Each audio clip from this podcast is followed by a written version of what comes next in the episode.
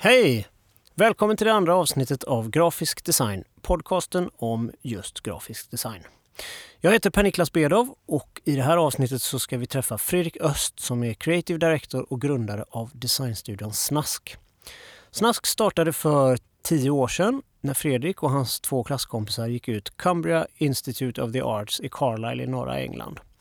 De var trötta på det mesta de såg i designbranschen och ville förnya den. Och man kan väl minst sagt säga att de har lyckats.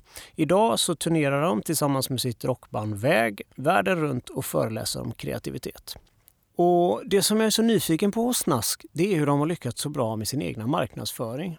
De får mängder av internationella jobbförfrågningar. De listas som en av världens mest eftertraktade arbetsplatser. Och trots att de har gått ifrån den traditionella strukturen med anställda så strömmar ansökningarna dagligen in från lycksökande designers. Eller var det där en rosa lögn? Ja, det får ni höra alldeles strax. Den här podcasten är inte sponsrad av någonting, men däremot så låter vi varje gäst rekommendera en organisation som arbetar för en bättre värld.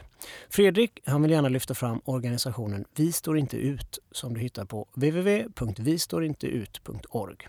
Här kommer Fredrik Öst.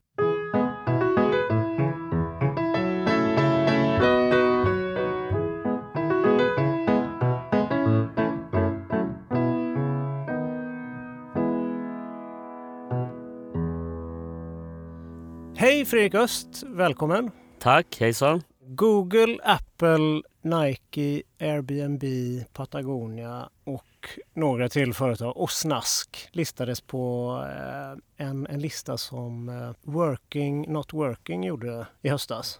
Yep. Ehm, de eh, berättade då vilka 50 bolag som en frilansare kan tänka sig att lämna sin, sin frilansverksamhet för att börja jobba på. Mm. Och då hamnade ni på den listan. Kan du berätta lite grann, hur, hur, vad hände där? Ja, det var vi och Spotify som var de svenska företagen som var med där. Annars var det som du sa, massa stora företag. Um, och det var skitkul. Vi tyckte det var jätte, jättespännande. Vi visste väl att vi var uh, vad ska man säga, attraktiva in, inom vår bransch. Att vi får ju minst tio ansökningar om dagen. Men det var kul att få det erkännandet på något sätt, att vara med där. För vi är ganska små. Liksom. Men det är ingenting man ansöker till eller tipsar om sig själv? Nej, vi fick bara en, en, vi, fick, vi visste inte ens om att vi var med, att folk kunde rösta på oss eller någonting. Utan vi, vi fick bara ett mejl som sa att oj, ni hamnar på den här listan. Uh, så här kommer det gå till, okej. Okay. Mm. Ja, det är ju stort, stora, stort sammanhang ja, ja, det var kul. Alltså. Påverkar en sån eh, omnämning verksamheten på något sätt? Nu, nu bara hybrisen, det påverkar tror jag. Men det är inte så att det kommer in fler uppdrag eller? Nej, absolut inte fler uppdrag tror jag. Jag tror snarare att vi, att vi kanske får fler ansökningar från folk som i branschen då. Ja. Uh, men inte fler uppdrag tror jag inte. Inte på det sättet. Och ni får tio ansökningar om dagen? Ja, ungefär. Det är helt otroligt. Alltså. Ja, det blir väldigt snabbt om man är borta i och gör något annat, reser eller något, så blir det att sitta och mata av den inkorgen som vi har då. Ja. Och eh, vi hade en tjej som praktiserade hos oss eh, en gång. Hon sa att eh, väntlistan hos Snask är tre år för att få göra praktik. Två år. Två Men jag år. tror nog att ja, ryktesvägen, då blir det ja. säkert tre. Ja.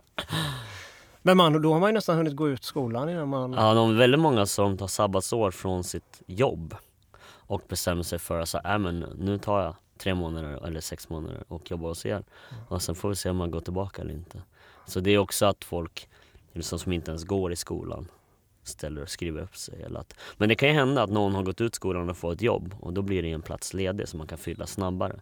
Men det händer inte hela tiden. Din historia börjar sommaren 1981 i Sydkorea. Mm. Kan du inte berätta lite grann? Ja, du skickade en länk till mig med eh, man kunde läsa den här som var jättegripande. Kan du inte gå tillbaka lite och berätta hur, hur du startade eller hur ja, allting startade dig? absolut. Eh, för mig är det inte världens största grej men jag tycker att det ja, jag blev adopterad när jag var ett och ett halvt år till Sverige. Så jag föddes och sen så lades jag i en korg utanför en polisstation uh, där jag var ganska länge för att det fanns ingen plats på barnhemmen. Och sen så kom jag till ett barnhem till slut och där så var jag ganska undersimulerad tror jag. Så när jag kom till Sverige när jag var ett och ett halvt år så var jag väldigt eh, liten och underutvecklad så jag kunde inte gå. Liksom. Som andra ett och ett halvt åringar kanske kan gå, jag kunde inte det. Uh, sen kom jag till en familj i, i Borlänge. Eh, uh, så vi var fem barn uh, och vi hade allt från fosterbarn till, till uh, massa andra barn. Uh, så det var en ganska stor familj. Uh, och ja, där växte jag upp. Har du uppvuxen i Borlänge? I Ja. Borlänge. Ja. Tills jag var 18 år. Okej. Och, eh, och hur, kom du in? Har, har du någon... eh, Finns det en estetisk del i din uppväxt? Ja och nej. Alltså, eh, mina föräldrar eh, var väldigt bra på att så här, alla skulle, skulle, skulle spela instrument eh, och att de, de hela tiden såklart tyckte man skulle, om man ville måla eller göra sådana saker. Men det är inte en estetfamilj på det sättet som, som man kan sätta på där båda föräldrarna är, jobbar inom kreativa yrken och de, de håller på och målar med konstnärsgrejer eller sådana grejer. Utan väldigt vanligt tror jag bara. Men, men tryggt och bra på det Mm. sättet. Och eh, vad hände efter, när du, efter Borlänge? Efter Borlänge så gjorde jag lumpen tio månader. Uh, sen så när jag började plugga på universitet uh, då plugg, pluggade jag retorik, kommunikation och så vad var det mer? Vetenskapligt basår, typ Trivial Pursuit, 20 poäng. Um, och där så startade vi en klubb, jag och några kompisar som vi körde varannan helg på, en, på ett uteställe. Och då bokade vi band och spelade skivor och då började jag göra posters och affischer för det. Flyers, jättefula om man kollar tillbaka på dem. Men eh, det var där på något sätt det började. Uh, och där, började, där hittade väl jag intresset för att oh, men det här är skitkul. Liksom. Um, så efter det så, så flyttade jag till Bollnäs. Jag gick på en jätteliten folkhögskola i ett år. Och var på efter det så åkte jag till England tre år. eh, och pluggade grafisk design. Och det var där du träffade Magnus? Som är Ja, jag höll faktiskt på att kissa på mig på bussen från Manchester till den här staden Carlisle som, som Morrissey sjunger om. eh, där vi pluggade. Och eh, då hade jag glömt att gå på toaletten på flyget och så glömde jag gå på toaletten på flygplatsen och gick på bussen. Och så åkte vi i ganska länge och så sa jag det till busschauffören bara, när kan man gå på toaletten? För busstoaletten fungerade inte. Och då sa han, Oj, om 20 minuter typ. Ja, okej. Och så satt jag i 20 minuter och höll på att dö. Och sen så när vi kom efter 20 minuter sa jag, men vad ska vi inte stanna snart? Och då sa han, ah, jag, jag missade precis den avfarten, det är 20 minuter till. Och jag tänkte, ja nu kommer jag bli pissenisse här i början på min nya skola här i England. Men jag lyckades hålla mig. Jag satt och räknade bilar. Och då när jag gick på toaletten så gjorde Magnus det man inte ska göra. Han räckte upp handen över pissoaren och hälsade. Liksom. Så hej jag heter Magnus. Eh, och det var så vi träffades. Eh, han skulle också gå i samma klass som mig. Så ni hade ingen, kände inte varandra alls sen tidigare? Var kommer han ifrån?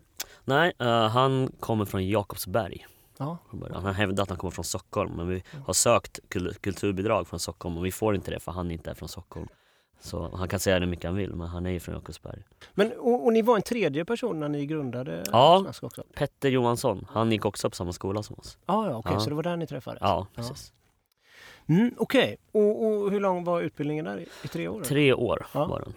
Så det var väldigt så här, en bra skola på många sätt och vis. Eh, vi, eh, när vi kom dit så, så sa de första året, ni, ni får inte använda en dator hela första året. Och alla vi som hade växt upp med hem-PC var ju så, va? Vadå? Det är väl det som, det använder man hela tiden. Och sen lärde man sig efter, såklart efter ett år att det är bara ett, ett verktyg. Liksom. Man kan använda det så mycket eller lite man vill. Även om man såklart i slutändan idag måste leverera eh, digitalt så är det ändå, ja. Finns det eh, med er idag? För ni jobbar, pratar mycket om att ni jobbar analogt. Ja, men det gör det ju. Alltså man, vi kom, på ganska tidigt att man, att man börjar att skissa för hand och tänka för hand och skriva ner idéer. Och sen så tar man in det i datorn på något sätt och, designar det. Och sen tyckte vi det var mycket intressant att sen ta ut det i verkligheten igen, det man hade designat och sen bygga det för hand och eh, vad ska man säga slutföra det eller finalisera det för hand. Det är mycket roligare. Eh, Så man kan väl kalla det för installation och man kan kalla det för design, man kan kalla det för uh, stilleben, massa olika saker. Mm. Men det tyckte vi var jäkligt spännande, kommer jag ihåg. Eh, och det tycker vi nog fortfarande, att det är väldigt kul att göra saker för hand. Och det är också därför vi gör mycket stop motion film, för det är samma typ av hantverk och ja, det har alltid varit en grej. Det måste vara tidskrävande. Ja, fast det beror på faktiskt. Alltså, för någon som sitter och, och att, att se en som en art director, att se, sin design på riktigt och, och sen ta ett foto och sen för hand gå och flytta på saker är, är, är ganska effektivt om man jämför med att sitta framför en dator, sitta och zooma ut och zooma in för att se vad man gör eller hit och dit. Så är det väldigt, ja, vi tycker i alla fall det är skönare att jobba på det sättet. Och sen om man kollar till, till animation så finns det folk som säger men det där skulle jag kunna gjort i 3D, jättesnabbare än ner. Eh, ja okej, okay. men om man då, om vi då gör en stop motion där vi river sönder allting sakta och häller vatten över och så stoppar in en hand som slår till allt. Då är det plötsligt så tar det väldigt mycket längre tid att göra det i 3D. Plus att en 3D-animatör måste sitta och rendera för att se hur allting ser ut hela tiden. Medan i, i submotion så kan du bara trycka på play hela tiden och kolla hur det ser ut. Och som en designer vill man ju se hur saker ser ut hela tiden. Så, ja, så det beror på skulle jag säga. Efter skolan, då startade ni Snask med en gång? Ja. Så vi, nästan andra året av tre så kom vi på namnet Snask. Att vi skulle starta upp Snask i New York eller London tänkte vi. För det var ju häftigt. vi gjorde också praktikerna i New York och London. Men alltså då tänkte vi, ja men eye candy pratar man mycket om i England. Uh, man, man pratar inte så mycket om ögongodis i Sverige. Men då tänkte vi, ja men eye candy är intressant. Uh, och då tänkte vi, vi vill ha ett kort och koncist namn. Uh, och eftersom vi svenskar kanske det ska vara ett svenskt namn. Så kom vi på till slut ordet snask som betyder skvaller, snusk och godis. Så tänkte vi, ja men det kan vi ha på engelska. Så bytte vi ut det mot massa andra ord. Så vi hittade på I snask you, snask off, sweet mother of snask. Massa olika sådana saker. Och sen kom vi på att alla våra kompisar bodde i, i Sverige. Så bestämde vi oss för att flytta hem först. eh, och, där, och starta Snask med samma namn då. Och det här var 2007? 2007, precis. Ja. Vilka byråer praktiserar ni hos? Uh, jag kommer inte ihåg vad Magnus var i London. Uh, vad hette de? Jag kommer inte ihåg. Jag var på uh, tre stycken. Jag var på Trollbäck som är en svensk, Jakob Trollbäck har startat det. Som är mer animation, designanimation. Uh, sen var jag på Carlson Wilker. Som, jag, som, är in, som vi innan avgudade. De har skrivit en bok som heter Tell Me Why som är väldigt bra. Och sen så hos Paul Sar som är lärare på School of Visual Arts. Så det var de tre jag gjorde. Mm. Och det är egentligen den enda byråerfarenheten som ni har? Ja, och den var ju otroligt kort. Det var ju liksom en vecka, en vecka. Nej, två veckor på varje ställe typ. Så var det. Väldigt, väldigt korta. Är det någonting som ni saknar? Att inte ha jobbat på en byrå innan ni startade själva? Nej, för oss så är det ju det det vi har, så som vi har lärt oss att leva och jobba. Att vi, vi bestämde oss för att alla andra sa att tio års erfarenhet i branschen behöver ni minst för att starta upp er egen byrå. Eh, och då tänkte vi att men ingen har gjort någonting annat förut. Det låter ju konstigt om att man måste ha det. Då tänkte vi att vi kommer sannolikt begå jättemycket misstag och då så länge vi lär oss av dem så är det väl bra. Så på något sätt har vi byggt alla våra metoder och arbetssätt på och hur vi vill vara på att ständigt misslyckas och försöka göra oss bättre hela tiden. Och lära sig av det man gör fel. Uh, och det gör vi fortfarande. Och, men allt man ser ganska tydligt, i alla fall hos oss internt, vi som vet att allt hur det fungerar hos oss är liksom uppbyggt på saker. Vi har gjort fel och sen har vi fått göra rätt. Liksom. Mm. Jag kan känna lite grann ibland att jag, jag undrar hur, hur de gör på på det där kontoret eller jag undrar hur de gör där. Och hur gör de en upphandling? Mm. Och skulle vilja veta lite sånt där. Det är lite anledningen till varför den här podcasten ens existerar. För att jag är så nyfiken på hur jobbar alla andra och sådär. Jag känner inte så jättemånga i branschen. Och... Men uh, hur, hur, gör ni då när ni ställs inför en sån fråga? alltså vi, um, vi jobbar väldigt, väldigt logiskt. Det kanske låter tråkigt men det gör vi. Vi vill ha ett logiskt resonemang eh, bakom de besluten man gör som designer. Både strategiskt eh, såväl som färg och form. Liksom.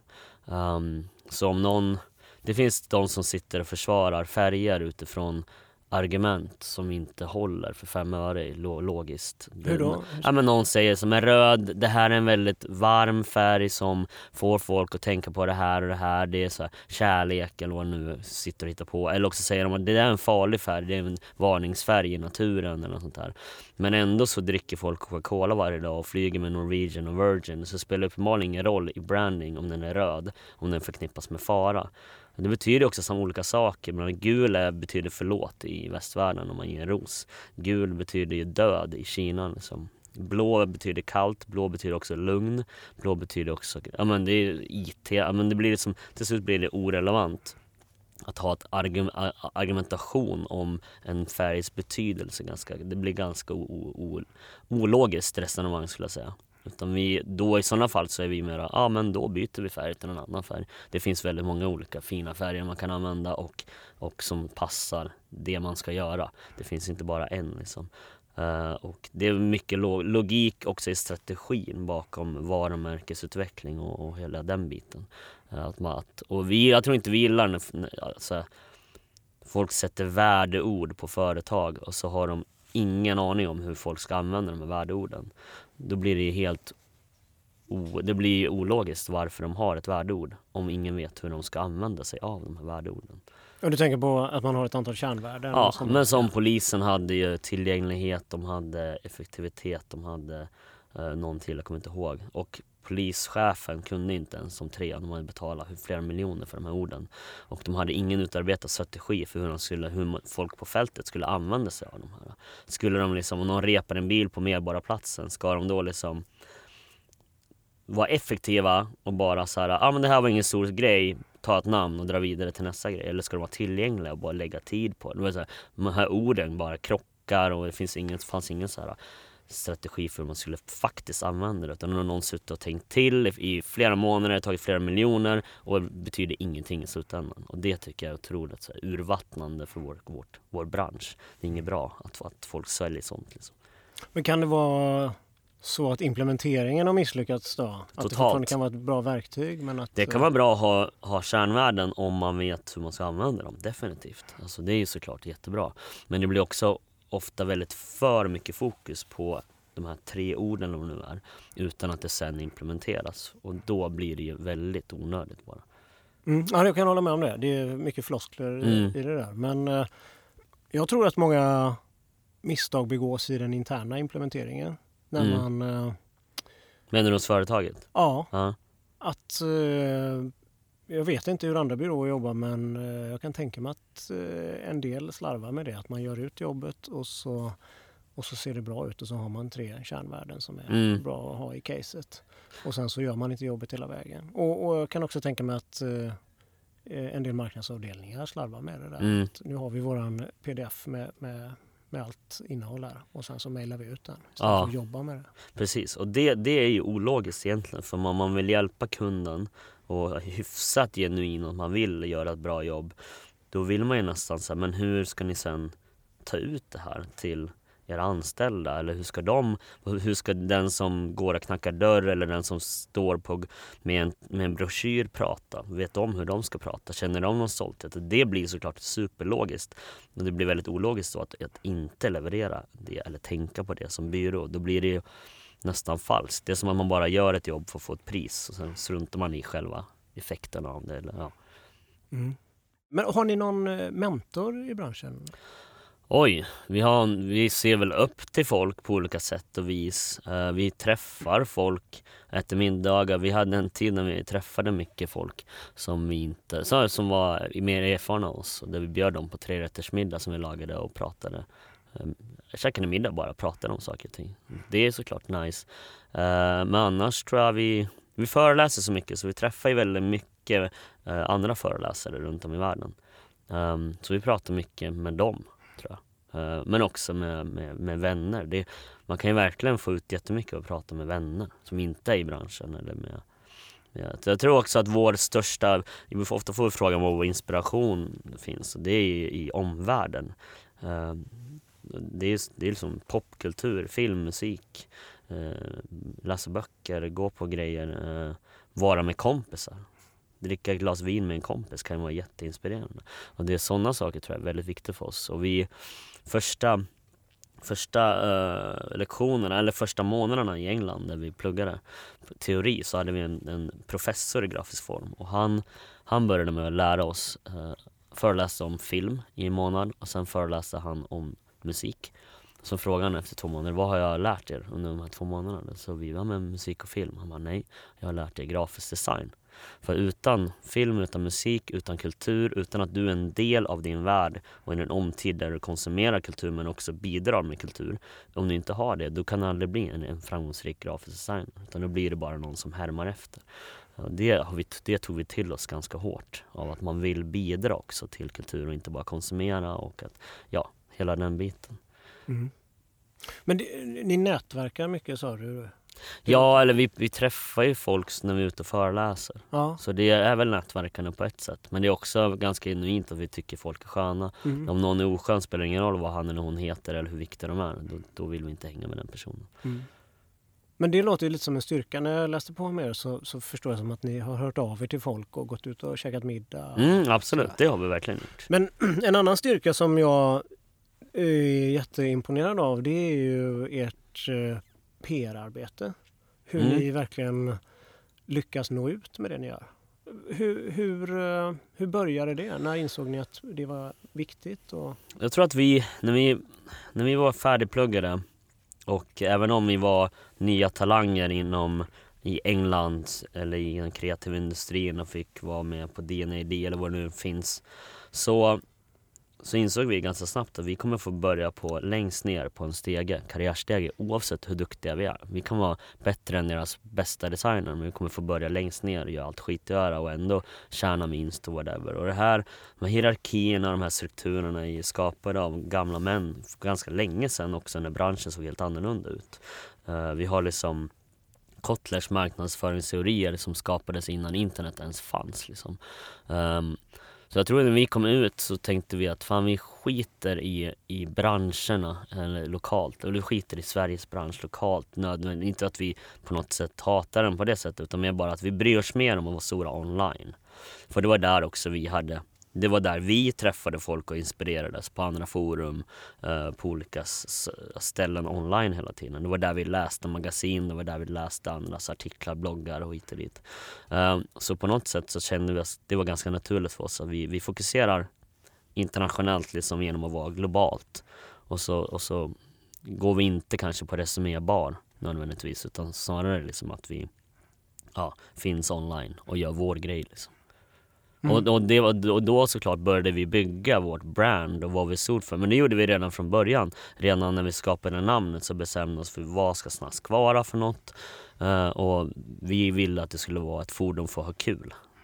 Uh, och det är liksom ganska viktigt för oss. Så vi gör ju väldigt mycket projekt själva som är för oss själva eller att vi startar egna, skapar egna produkter eller tjänster eller vad som helst. Och det, och på det sättet gör roliga saker. Eller att vi gjorde en, en friidrottstävling, en track and field tävling som heter and Field där vi bjöd in 60, 60 kompisar från, från ja, där det var hälften killar, hälften tjejer som skapade 16 eh, lag, 16 nationer och alla tävlade i åtta grenar. Och det är bara för att ha kul själva liksom. Uh, men, men man kan göra det, som, det är väldigt enkelt att göra det när man kan jobba för sig själv liksom. Så det är väl lite där, alltså, fordon för kul är ganska viktigt för oss. Att, att, ja.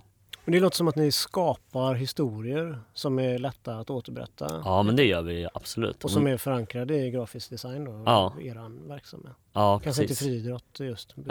Fast vi gjorde ändå en identitet för den. Vi gjorde medaljer och pokaler. Heineken sponsrade hela grejen. Och vi gjorde, men det, det, är liksom en hemsida, vi gjorde en, en, en app där man kunde uh, se sina scores, vilket land som fick flest guldmedaljer. Det var grafiskt liksom. Så på något sätt finns det alltid med liksom. Så, men, det, ja. Men eh, när ni har gjort någonting då, när ni har skapat någonting, så måste ni också distribuera den informationen. Mm. Hur går ni tillväga då? Jag tror att vi, vi har en tonalitet, viss tonalitet som folk har, har tagit till sig. Någon som kanske förmedlar en slags livsstil som vissa människor hatar, vissa människor älskar. Och då eh, får man ju ambassadörer såklart, eller man får folk som, som är fans eller vad man kallar det. Um, och när man då, om de gillar den livsstilen, den tonaliteten, om man lägger ut sånt content såklart, så är det enklare för folk att ta till sig än om man bara eh, släpper ett något tråkigt liksom. Eller skriver något, något litet bara. Um, jag tror att det är så vi får ut det. Genom att vi skapar innehåll och historier som är, som är oss redan från början. Liksom. Um, Men och hur distribueras det då? Kontaktar ni då ett antal... men alltså det beror på. Alltså, vi, en historia kan vi inte kontakta en blogg om. De vill inte skriva, då, eller en designblogg vill skriva om case väldigt mycket. Så då lägger man mycket tid på att fota caset, se till att det är en bra text, att det är väldigt tydligt att alla, alla bilder finns tillgängliga på ett visst ställe så att de vet det. Um, och sen så skickar vi ut det till, till de, de som vi vet är intresserade av sånt. Liksom. Sen får man se om det går eller inte. Och sen samtidigt måste man, så lägger man upp det på Behance såklart. För det är en annan kanal som är ganska oberoende av, de, av bloggarna. Uh, och ja, det är, lite, nu är det väl så vi, vi går tillväga. Om man tittar på en av eh, världens bästa reklambyråer, Forsman och Bodenfors, Mm. så har de 6000 följare på Instagram. Men om man tittar på er då, Snask med fyra stycken anställda, så har ni eh, 20 000. Hur, eh, hur kommer det sig? Oj, ja, vi har ju 21 000 idag. nej jag ska bara. Uh, nej men jag vet inte, jag tror att vi har som sagt fokuserat otroligt mycket på att ha ett varumärke själva. Och jag tror att, att det gör ju väldigt mycket. Att man, folk tänker på snask, då tänker man på olika saker. Liksom. Man tänker inte bara nödvändigtvis på vårt jobb utan man tänker också på just de här projekten vi har som är startade av oss själva eller att vi tycker om att göra roliga saker hit och dit eller visa det såklart i våra sociala medier, en massa olika saker och intervjuer och så. Forsman är ju otroligt duktiga och gör jättebra jobb. Men det är väl det man tänker på med dem. Det är inte som man tänker att så här, åh vad, vad Forsman Bonefors är crazy eller vad de gör eh, roliga fester. Eller, de, eller det, det, det, ser, det ser i alla fall inte jag. Och jag så har inte jag 100 000 procent koll på, på dem. Men det, kan, det tror jag är en faktor. Mm. Men jag kan tycka överlag när man tittar på olika byråer, inklusive vi själva är inte jättebra på att få in få något följe heller men eh, vi, kommunikationsbranschen är väldigt bra på att sälja de tjänsterna men vi är ju extremt dåliga på Exakt, och det, det tycker jag är konstigt. Det är liksom, um, man är väldigt bra på att säga att eh, kunden, ni borde skriva om oss texten så här och så här. Och det ska låta väldigt bra och man hittar på en historia hit och dit. Men själva ser de bara, "Ah, men vi är en byrå som bara gör- som gör det här och, och gör det här och så är vi väldigt duktiga på det här och så här är vår arbetsmetod. Men det är inte särskilt kul. Eller? Det är inte en, en byrå man vill dejta och gå hem med. Liksom. Och det, det tror jag väldigt få tänker på. Liksom. Uh, och det är mycket roligt. Man behöver inte vara så himla corporate längre. Man behöver inte vara så himla affärsmässig i sin tonalitet. Utan man kan faktiskt vara ganska vanlig och till och med rolig i vad- det man skriver och det funkar ändå. Liksom. Det är nog vi ett levande exempel på. Men det är inte så lätt att vara det. Fast det, jag tror bara det handlar om att man måste ställa in ett mindset att nu ska vi vara, börja med, nu ska vi vara som vi är hemma. Det är väl enklast att börja med. Och sen börja pusha att nu skriver vi på det här sättet eller nu säger vi på det här sättet. Eller istället, nu ska vi ta ett gruppfoto av studion. Att man då tänker till tre gånger till och gör det ännu bättre än att bara ta ett foto rakt upp och ner. Det gör ju väldigt mycket mer för Mm. ens. Men jag tror det handlar också så mycket om så vad man har man ett uppsatt mål eller en uppsatt tanke med vad är vi för något? Då är det enklare att veta sen, ja men snask när vi ska ta ett gruppfoto, då klär vi ut oss och så har vi en rosa bakgrund och så gör, gör, vi, någon, gör vi det på det här, det här sättet. Men det är för att vi redan vet vad vi ska vara för något. Om man inte riktigt vet vad, vi, vad är vi för något, då är det svårt att veta exakt vad man ska fokusera på. Liksom. Det där låter ju som eh, receptet på eh, hela er framgång. Ni vet att svaret är alltid rock'n'roll, rosa och roligt. Eller något Ja sånt. men typ, det lät bra. Ja, RRR. ja men exakt, om, om, ja men precis, det är nog Så när ni ska ta en, en pressbild då vet ni om att ni ska sminka er rosa i ansiktet? Och när ni ska ha Ja, det kändes en- ganska naturligt för alla när vi kom på det, men det borde vi göra. Liksom. Eh, och eh, ja, och inte ha för stor själv, vad heter det? Inte ta oss själva på för stort allvar. tror jag är en stor del av oss också. Att liksom våga, våga vara lite konstiga eller flummiga på det sättet. Liksom. Vi släppte en, öl, släppte en öl, vi har ju släppt en öl som heter Shower Beer. Som är en öl som är till för att drickas i duschen. Vi gillar att dricka öl i duschen. Tänkte att ah, men vi vill inte göra en vanlig byråöl. Och vi jobbade med Pang Pang, gjorde alla hans eh, designer och grejer. Och han betalade oss eh, i öl eller andra saker. Så tänkte vi, ja men kan inte du göra en öl med oss? Och så skapar vi en öl tillsammans. Liksom. Och han bara, ja absolut. Och då tänkte vi, ja men vi gör shower beer. Och så gör vi den en vanlig pale ale egentligen. Det släpps ju typ så här två pale ales om dagen säkert i världen. Så själva pale ale är inte det speciella. Men sen är den 10-procentigt stark och flaskan är ju väldigt grafisk designaktig. Liksom. Har ni gjort flaskan? Ja, precis. Och den är hälften så stor som den är alltså 18 centiliter, väldigt väldigt liten. För att, den inte, för att en stor ölflaska blir eh, varm i duschen ganska snabbt. Så tänk att man dricker den här, 3-4 klunkar eh, och den är dubbelt så stark. Så man känner av den, man får en kick. Och så blir det som en kickstarter på kvällen kanske, eller, eller när som helst. Um, och eh, såklart väldigt mycket branding kring den här, hur den ska se ut, hur den, vad, vad det står på den och hit och dit. Men sen så och sen släppte vi den som ett case, skickade ut den till alla designbloggar och så. Men sen så la vi också, eh, vi la pengar på att eh, trycka ut den i Facebook eh, som en annons till alla CDs och, och marknadschefer i världen. Eh, och efter en vecka så exploderade den. Uh, i, framförallt i USA men också andra, andra uh, länder. Där NBC pratade om den på NBC News. Där when I get to drink again, I'll be able to enjoy a cold beer in the shower. Check Ridiculous. this out. A Swedish design firm has teamed up with a brewery there to create a pale ale that's half the size of a regular beer bottle. It's, it's brewed in Stockholm. 10% alcohol content. It really packs a punch. Tom Hanks pratar om den i national radio. Now get this, Chris. Pang Pang Brewery's shower beer is, quote, sweet but strong and perfect for people who want some hair of the dog to go along with that stuff that's clogging their drain. Ja, alla tv-shower i USA och England vill ha mer än i sina eh, vad heter det, morgonsoffor och hit och dit. Eh, men vi vill inte skicka dit dem för att vi kan inte distribuera, distribuera i USA än. Så då vill man inte att de tar med den och så kan ingen köpa den. Men, men, men där är ett exempel på vad, hur vi distribuerade informationen. Att vi faktiskt la lite pengar själva på att ja, men vi trycker ut den här informationen till de här typen av människorna får vi se vad som händer. Mm. Okej. Okay. Får jag bara fråga, flaskan, är det inte extremt dyrt att göra en egen flaska? Alltså?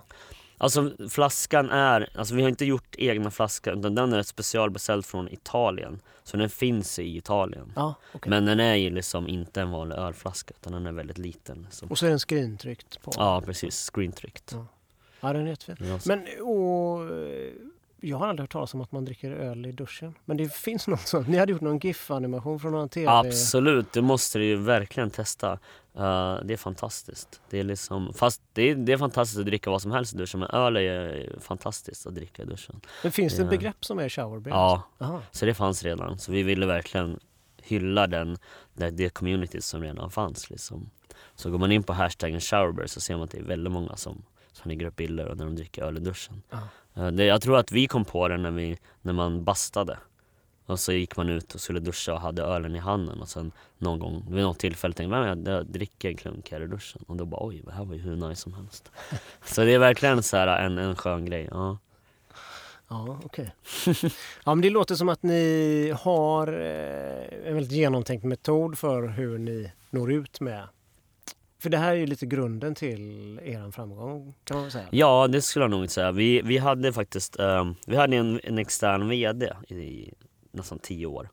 Uh, som var en kompis till oss som jobbade, han är, jobbar inom bank. Uh, och uh, han gjorde mellan två jobb så hjälpte han att strukturera lite grejer och då sa han men jag, kan, jag kan om jag får titeln extern VD, vilket betyder att man inte har någon makt, men han, han är med liksom på något sätt. Um, så kan jag, så kan, ni, kan jag liksom hjälpa till att styra er på olika sätt. Liksom. Uh, och jag kommer ihåg att vi åkte ut till uh, ett landställe och uh, där vi började skriva ner massa, massa egenskaper som vi tyckte att snask var.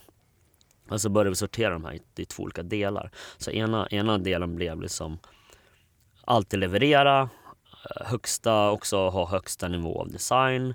Eh, väldigt professionella, eh, svara på alla mejl snabbt och effektivt och liksom professionell egentligen. Väldigt professionellt. Och det andra benet var bara livsstil och rock'n'roll. Det var liksom eh, dricka champagne med kunderna, eh, köra klubbar, eh, göra roliga projekt själva, liksom hela den grejen som var lifestyle. Eh, och då kommer jag ihåg att vår externa VD sa att så här, ja men oavsett hur professionella ni är Eh, så det är inte där kunderna väljer er egentligen. För det finns väldigt många byråer som har hög kvalitet, är professionella liksom. Det de väljer på är lifestyle. Men inget kan existera utan det andra. Ni kan inte bara ha lifestyle och sen inte bygga upp det på något sätt med, med att ha allt annat. Om har ni bara professional, då, har ni, då är ni som alla andra byråer. Lite grann.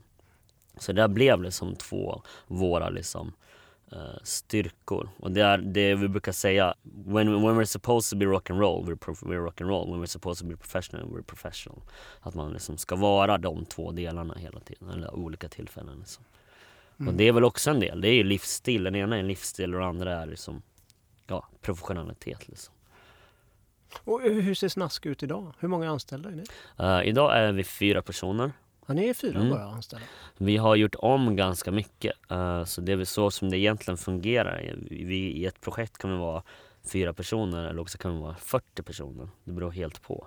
Så inom, vi har jobbat länge i, med film på exakt det sättet. Att vi är, kan vara mellan 5 till 40 personer. Liksom.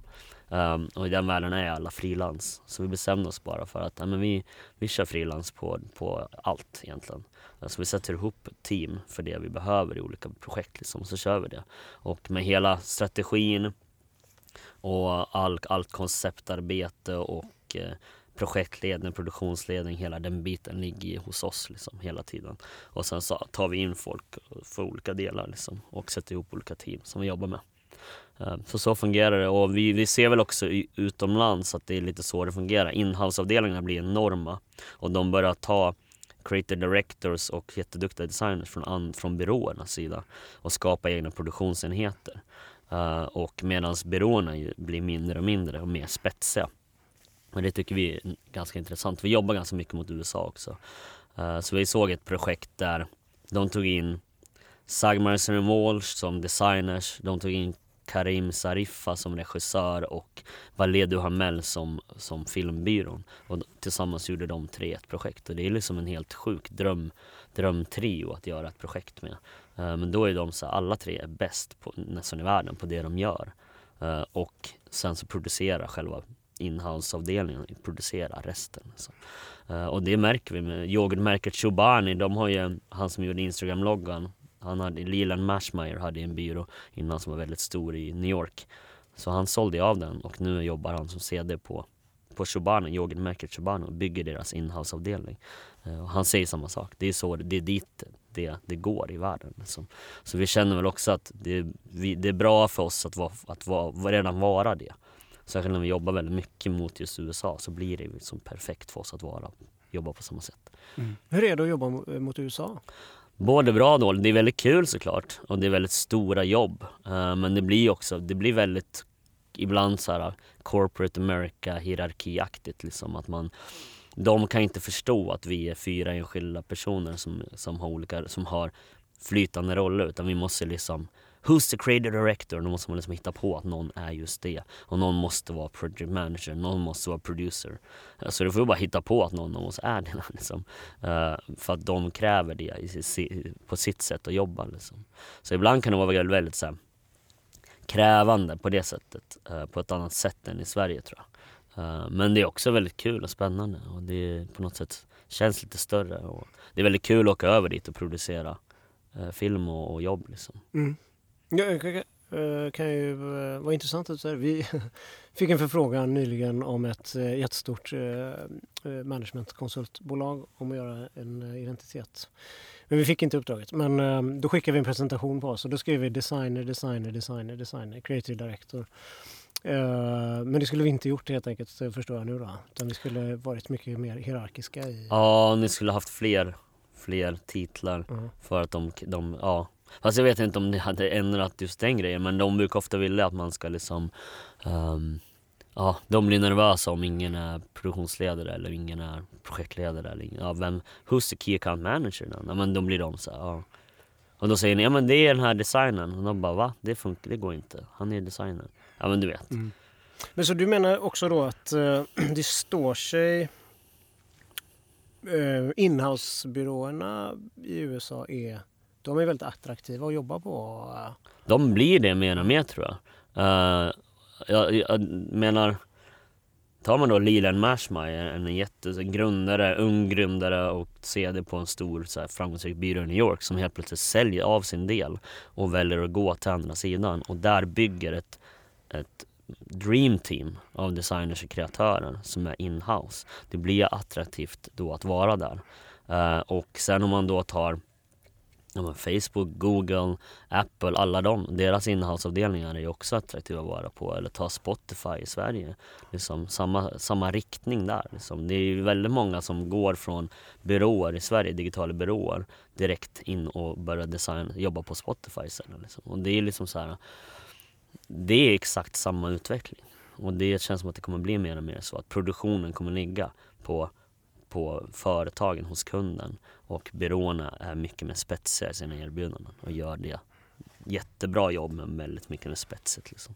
Det kan man ju nästan se på den här listan också med de 50 bolagen. Mm. Att det var just Patagonia, Airbnb, Spotify mm. och så vidare. Att de står sig lika väl som mot de bästa designbyråerna mm. i attraktionskraft. Hur ser er designprocess ut? Vår designprocess um, börjar alltid med Först får man en brief och sen så skriver vi nästan alltid om briefen. För att det är ofta som kunden inte riktigt vet vad de vill ha eller behöver. Uh, även om de kanske tänker det från början. Uh, och sen så när man kommer överens om, om, om debriefen om man säger så. Um, då börjar vi köra. Och vi jobbar väldigt mycket med strategi i början. Uh, så det är man kanske två till tre personer som jobbar igenom hela strategin, koncept. Uh, väldigt ofta om det är varumärkesjobb såklart så bygger man ju varumärkesstrategin uh, och jobbar fram en tonalitet. Och sen de två tillsammans översätter vi sen till visuell form genom grafisk design då. Um, och den identiteten sen, efter det så är det bara olika enheter som tas ut. Då kan det vara film, det kan vara visitkort, hemsida, hela den biten. Men då ska resten vara klart. Man ska veta tonaliteten, varumärket och man ska veta den visuella formen. Sen är det bara egentligen att ta ut det i olika, i olika steg. Mm. Skiljer det sig eh, amerikanska och svenska uppdragsgivare? Ja, det gör de ju. Eh, men det är också för att det är väldigt sällan man får göra om ett amerikanskt företag på den nivån. Utan det är snarare att man kommer in i USA har vi gjort väldigt mycket film och punktinsatser. Man gör liksom delar av ja, en kampanj. För jag menar, vi gjorde grejer för Target. Eh, men deras, de har ju liksom tre, fyra byråer som alla har huvudkonton hos dem. Jag menar, det är helt sjukt att de har flera byråer som sitter på huvudkontot. Eh, som i sin tur sen har massa, men så det blir enormt stort där borta. Det skiljer sig.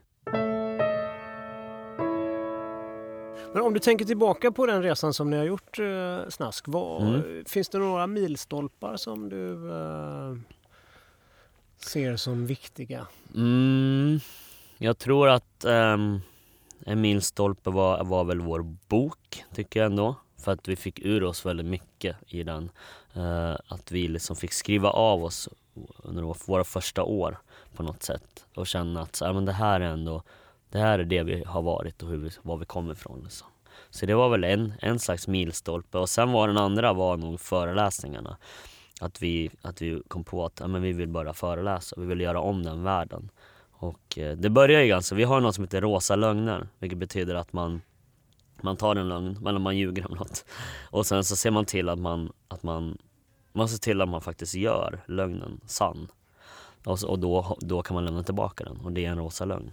Uh, så vi, när vi kom på att vi skulle föreläsa så hörde vi av oss till massa konferenser och festivaler runt om i världen och sa ah, men vi vill föreläsa. Och de sa ah, men vilka tror ni att ni är? Ni har ingen erfarenhet.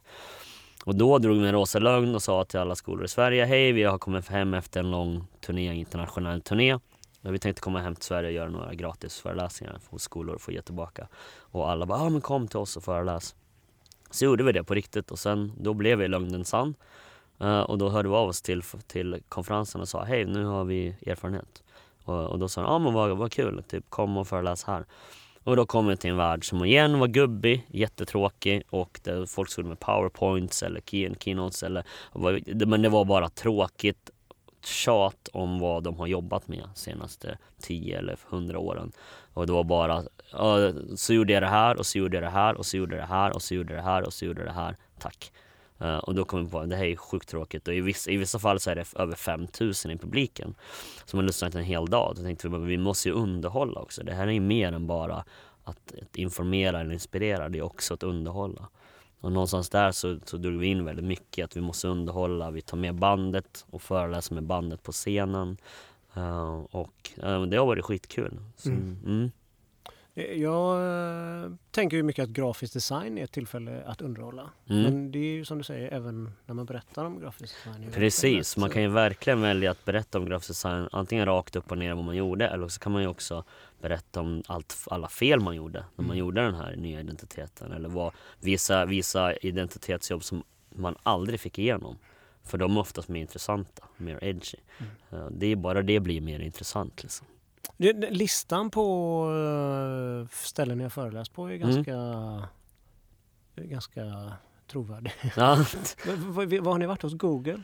Ja, företag och skolor som Google, Dropbox, Stanford University, School of Visual Arts och sen har vi varit jättemycket konferenser runt om. Allt från Kapstaden till Atlanta till nu Colombia, Costa Rica, hela Europa nästan. Och Uh, ja men det är väldigt kul faktiskt. Men inte så mycket i Sverige?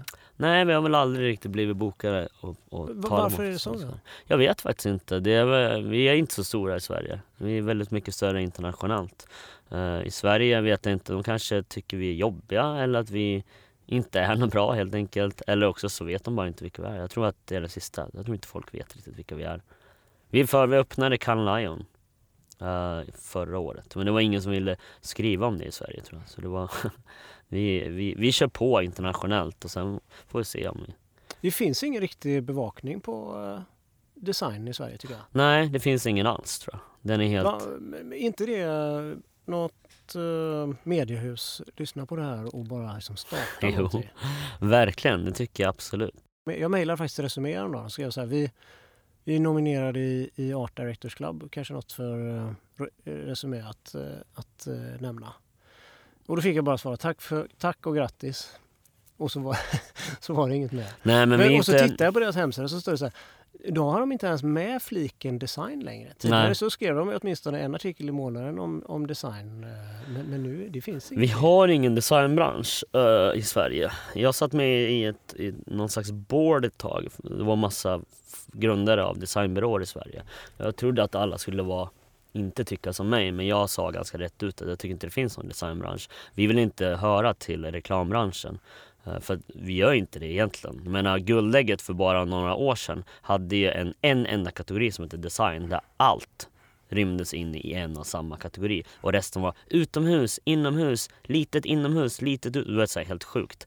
Uh, varför ska vi ens vilja höra till den kategorin egentligen? Och varför ska vi vilja vara med i Resumé när vi, de egentligen inte skriver om design? Det är ju konstigt att vi ens ses som en del av den branschen. Vi är snar, snarare så, i sådana fall så är alla i en stor eh, kreatörsbransch. Men då får ju alla, då får vi ju ha en flera tidningar eller en tidning som tar med allt. Liksom. Inte bara så här. Liksom. Uh, och, men när jag tog upp det här i alla fall med de här massa andra grundare, då sa allihopa ingen kände sig som att det fanns en designbransch.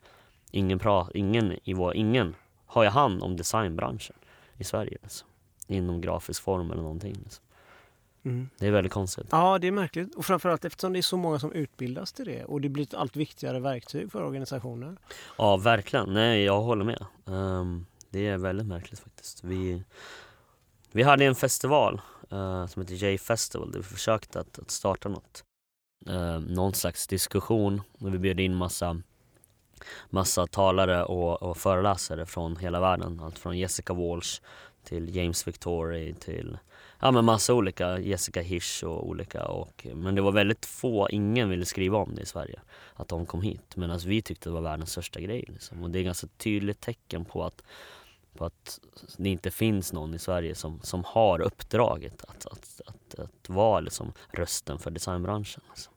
Om vi backar till milstolparna igen. Mm. Du nämnde du boken och föreläsningen. Boken då, den hette eh, Make Enemies Gain Fans. Fans, ja. ja. Hur går det då? Jag tycker att ni verkar älska det överallt. ja, här och men, det är det här i Sverige som fienderna är. Nej men eh, vi, eh, man märker inte av fienderna så mycket.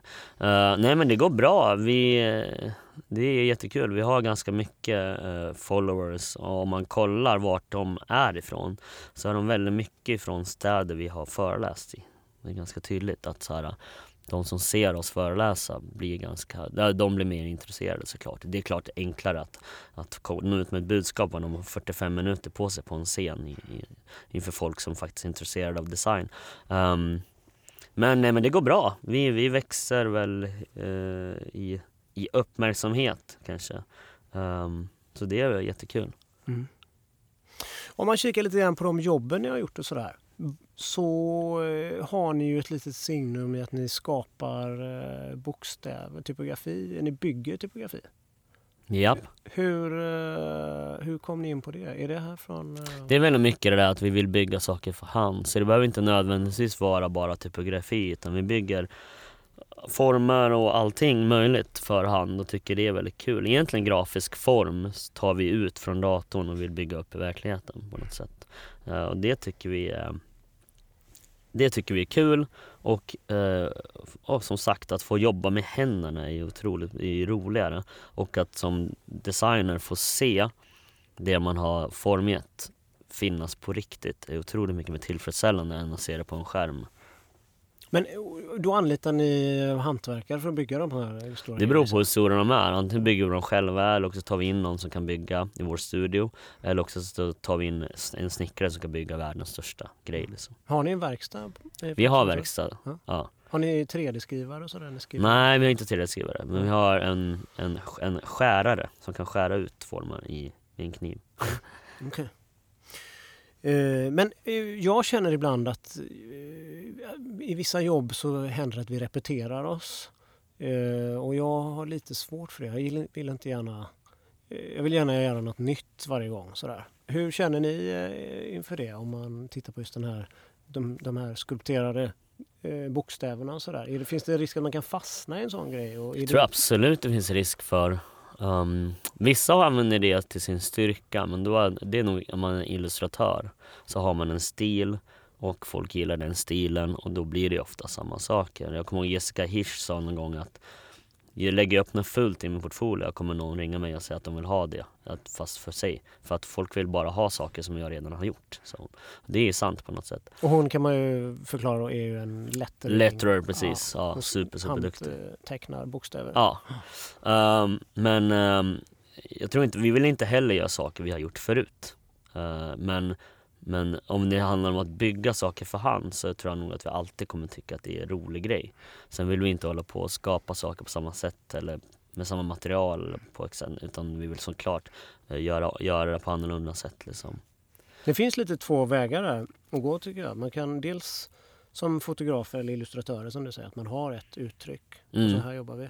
Eller så försöker man förnya sig. Det, och det andra sättet är man ju, då är det lätt att man fastnar i trender eller sådär. Ja, exakt. Och det är ju inte heller bra. Nej. Så det är lite svårt tror jag. Man får ha lite... Det är en balansgång. Ja. Uh, ja, okej. Okay. Sen så har ni jobbat med SSU också. Ja. Det var några år sedan. Ja. Jag var lite nyfiken på, finns det en, skulle ni gjort samma, eller inte samma jobb, men skulle ni gjort, tackat ja till uppdraget om det var MUF som hörde av sig? Uh, ja, det, alltså vi har nog lite svårare för MUF.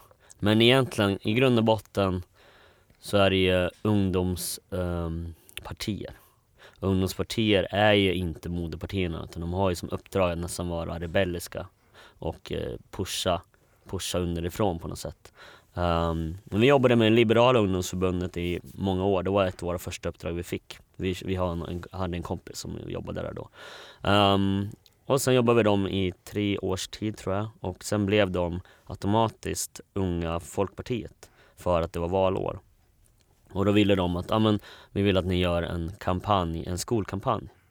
Um, och då så satt vi i en vecka och jobbade på det och sen kom, kom vi på att ringde upp dem och sa det finns inget bra med, med, med er, er skolpolitik tycker vi. Eh, men däremot så, så finns det finns saker som vi tycker är bra med liberalismen så vi skulle kunna göra en kampanj om det istället. Och då sa de, ja men vad bra, men då kör vi på det istället. Eh, så jag tyckte ändå var ganska så här, eh, hälsosam syn på det, där båda parterna fick säga vad de tyckte. Um, Men, och sen så gjorde vi SSU och det var lite mer naturligt för oss i och med att vi är mer röda än blå liksom. Ehm, um, MUF skulle vi nog ha svårare för tror jag. Men samtidigt är det ett ungdomsparti, herregud. Um, däremot när de, om, om, om vi kommer till moderpartier så blir det svårare. Det blir direkt svårare. Men idag tycker jag att alla, alla är fan mittenpartier förutom de, de extrema. Så det blir liksom en annan grej. Men just om man pratar om moral i design så kan vi säga hur mycket vi vill att ja, men vi vill inte ge tobak, vi tackade nej till Philip Morris en gång. Och man kan vara stolt över det men samtidigt gör vi gladeligen Absolut Vodkas nya design eller whatever. Och vi gör massa öl. Uh, och alkohol är otroligt dåligt också för samhället och för andra människor. Så då blir det ganska mycket hyckleri om man ska vara stolt över att man inte gör tobak men så gör man alkohol hela tiden. Uh, så ja, det är svårt det där med moralen. Mm. Politiken har väl eh, lite att göra på designbiten, tror du inte det? Hur menar du? Ja, det ser väl inte jätteroligt ut. Ja, men hur, hur menar du? Att det påverkar eller att den... Nej, jag tänker mer brandingmässigt. Och, Jaha, och... men de är ju riktigt dåliga bara. Det är ingen som vill anställa en bra designbyrå eller också är det ingen designbyrå som vill göra politiska partier. Jag tror faktiskt det är klåpare som sitter och beställer designjobb för att så dåliga jobb det görs varje år. Eh, det känns som att det är svågerpolitik inblandat. Att man låter någons bror eller syster eller släkting göra loggan för nya partiet. Och så blir det ett kön istället. Det blir liksom så här, ja, det var inte så smart kanske. Eh, vi kollar på, jag har skrivit ner en punkt här, er filosofi. Sådär. Mm. Eh, jag läste en rolig liknelse där ni skrev att ni vill vara Zlatan och inte Johan Elmander. Ja. Att ni vill utmana och provocera. Varför vill ni göra det? För att vi tycker att det inte är tillräckligt bra i vår bransch och i vår värld tror jag. Att det fortfarande är väldigt mycket, väldigt gubbigt tycker vi. Eh, om vi tar den all, absolut högsta klubben folk vill vara med i, AGI, Uh, eh, vi blev rekommenderade av en amerikan i New York som hade varit med där som sa att ni borde vara med i den här organisationen och då frågade vi hur blev, blev vi det? Ni måste bli rekommenderade av någon person i ert land och då frågade vi vilka är i Sverige då? Men det var typ om det var sju eller tolv personer, jag kommer inte ihåg hur många det var. Det var bara vita män över 50 år och de kommer aldrig rekommendera oss. Eh, och man vill inte ens vara med i en sån klubb där de inte någon gång har ens tänkt efter att det kanske borde vara en kvinna eller någon annan person med i den här gruppen. Det blir otroligt homogent, otroligt tråkigt och det är på exakt den strukturen som har styrt världen de senaste hundratusen åren. Um, så ja, det, det, ja, vi tycker nog att det är... Så det är det ni vill utmana helt enkelt? De... Absolut allt sånt. Uh, absolut konservatismen Uh, för bara ordet konservatismen är dumt för att allt har ändrats hela tiden i historien. Uh, och vi är där vi är idag på grund av att saker och ting ändras. Och att folk ändrar hur man tycker och tänker. Eh, och det känns otroligt ohälsosamt att helt plötsligt att vi ska sluta ändra på hur vi tycker och tänker och sluta röra oss framåt och helt plötsligt bara vara konservativa. Eh, vi, vi kämpar, eller vi, vi, det, vi ser definitivt konservatismen som en stor fiende och den här maktstrukturen som gamla vita män fort, fortfarande har och innefattar. Men ni har ju hållit på nu i, i uh, tio år här. Mm. Och, uh, finns det ingen risk att ni är de här Jo, vi kommer, vi kommer ju, förhoppningsvis blir vi de här en dag. Jag säger förhoppningsvis för att vi hoppas att yngre generationer tycker och tänker som vi gör eller som vi gjorde. Eh, för om, om de inte gör det, då blir det konservativt. Då blir det ju att, att helt plötsligt tar det stopp. Det tycker jag absolut inte det ska göra.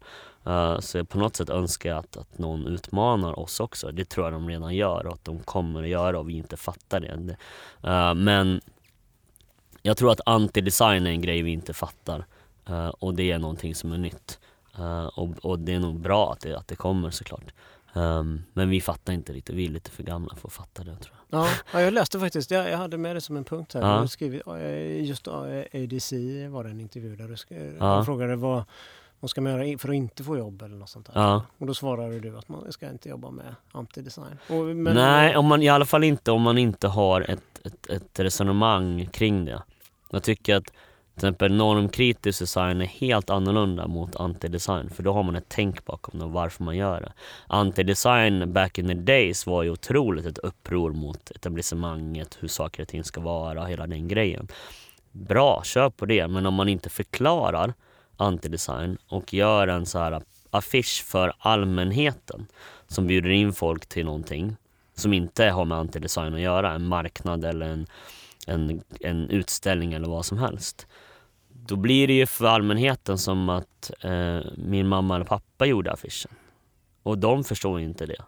Och, och, det finns ingen anledning varför och det finns ingen beskrivning varför. Och då tycker jag bara man misslyckas med, med uppdraget eh, som designer. Liksom. Har det blivit en trend eh, att man bara gör det? Att det inte ens är någonting anti längre? Jag vet inte. Jag tror att många som gör det vet varför de gör det. Bara att de kanske inte vill förklara. Att de tycker att de inte behöver eller att det hör till att inte heller förklara sin antidesign.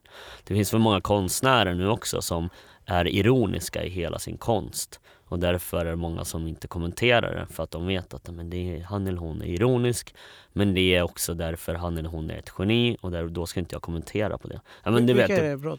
Ja, men inte Marina Abramovic lite ironisk kanske och det finns ju ganska många som har varit det genom tiderna och, och det blir liksom en så här jag vet inte, det för ändå allting framåt på något sätt. Så, så länge det gör det är det väl bra. Men jag tror att det finns en grej att om man sysslar väldigt mycket med antidesign så är det väl inget man kanske man kanske inte vill förklara det i sina verk då, antar jag. Mm.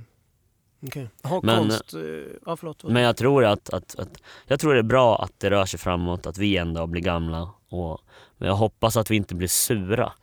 För vi har ju träffat på många i vår bransch som är äldre och som istället embracear det, det, det som kommer och tycker det är bra.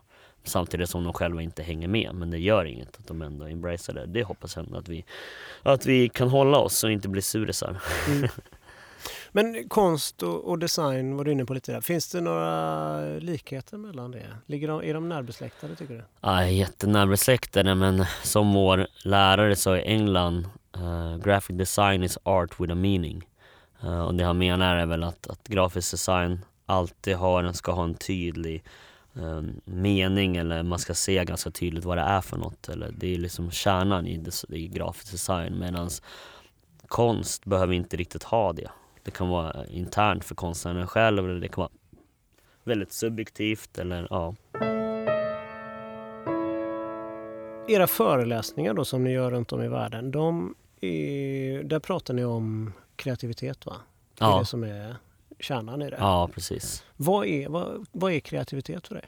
Kreativitet är nog att skapa, alltså skapa för kul men också göra saker, försöka göra saker annorlunda. Och röra sig framåt hela tiden. Och, och, men också utmana gränser.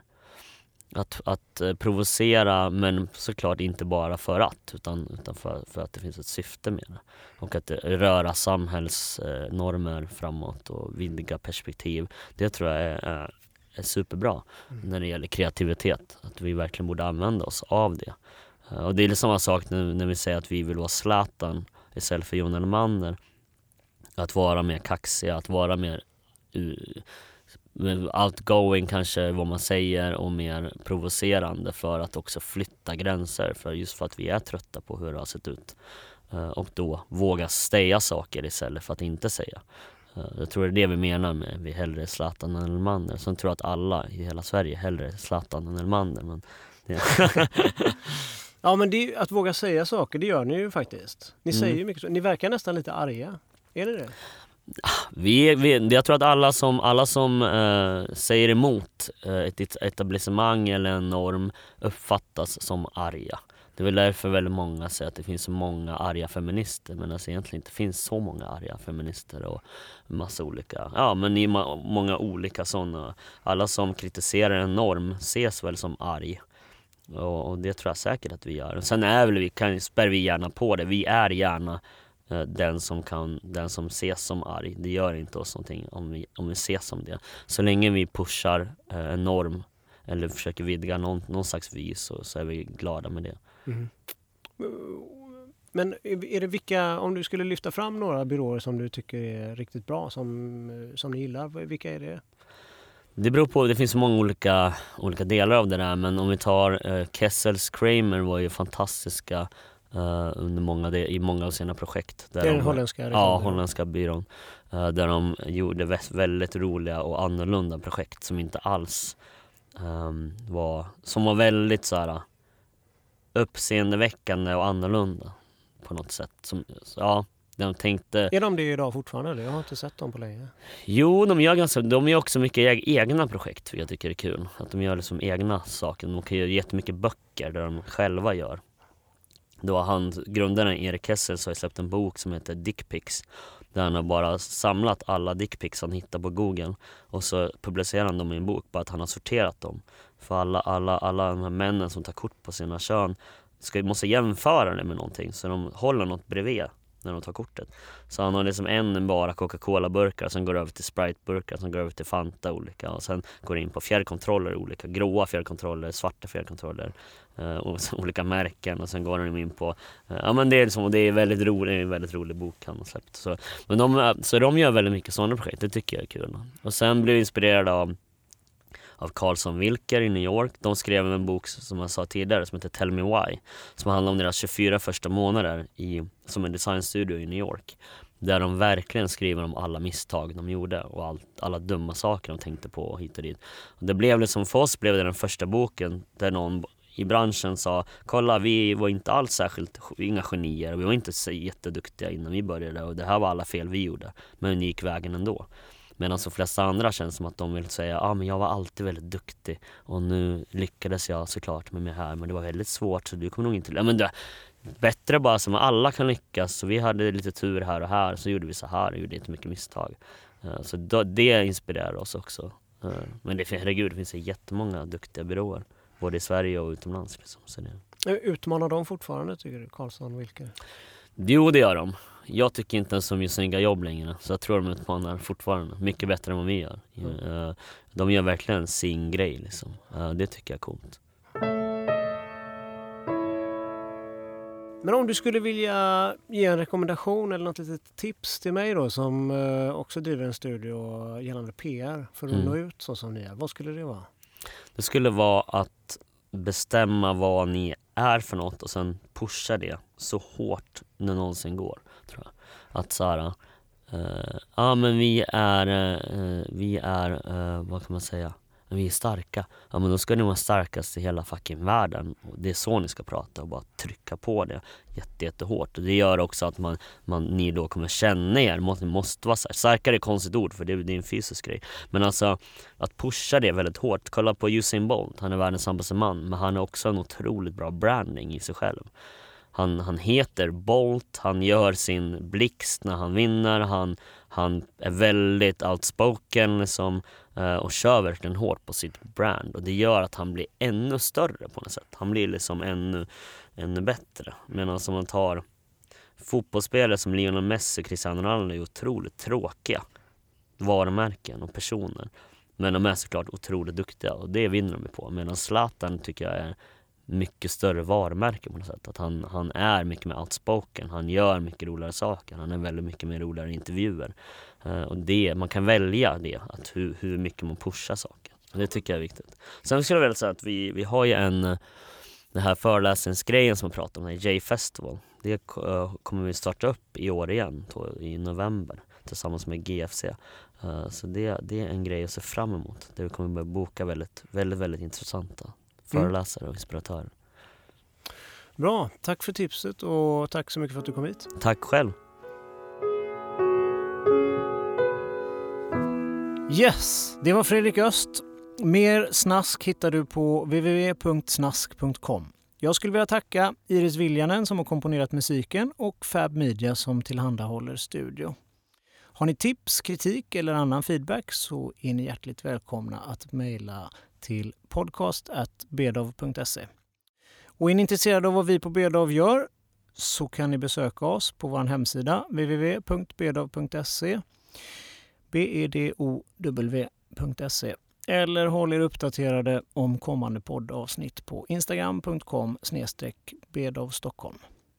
I nästa avsnitt så träffar jag Björn Kusowski ifrån Stockholm Design Lab. Men det gemensamma är väl att de har en en bild eh, av oss som handlar om att de söker någonting som är, ja, om man ska liksom ha ett ord så är det väl någon slags enk enkelhet. Eh, simplicity. Väl mött då.